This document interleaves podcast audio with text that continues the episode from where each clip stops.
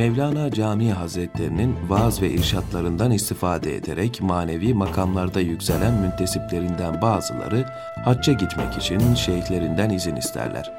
Hazret de onlara istedikleri izni verir. Ancak hacca gitmekle borcunuzdan kurtulursunuz. Lakin kibre girerek makamınızdan düşmemeye dikkat ediniz şeklinde bir ikazda da bulunur. Bundan pek bir şey anlamayan o müritler cemaati grup halinde mukaddes topraklara giderler, tam gününde haçlarını ifa edip dönerler.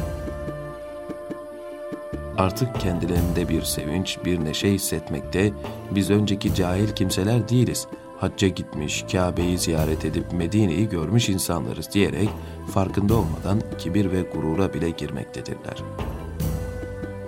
Hatta içlerinden biri Mevlana Camii Hazretlerine şöyle bir sual dahi sorar. Efendi Hazretleri, biz hacca gitmeden önce sizin başınızın üzerinde nurdan bir halkanın daima bulunduğunu, bir sarık gibi başınızın etrafında sarılı kaldığını görürdük. Haçtan dönünce o nurdan eser kalmadığını anladık. Acaba biz gidince sizde bir düşüş mü vaki oldu? Manevi mertebenizde bir sukut mu bahis mevzu oldu? Hazreti Cami tebessüm ederek cevap verir. Doğru söylersiniz. Bir sukut ve düşüş gerçekten de oldu.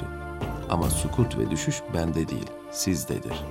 Çünkü sizler hacca gitmeden kendinizde bir kibir ve gurur hissi duymuyordunuz. Mütevazı ve mahcuptunuz. Bu tevazu ve ihlasınızdan dolayı da Rabbim size bahsettiğiniz nuru gösteriyor, bunu görmeye sizi layık buluyordu. Hac dönüşünde ise siz hacı olduk diye kibre girdiniz. Nuru da bundan dolayı göremez oldunuz.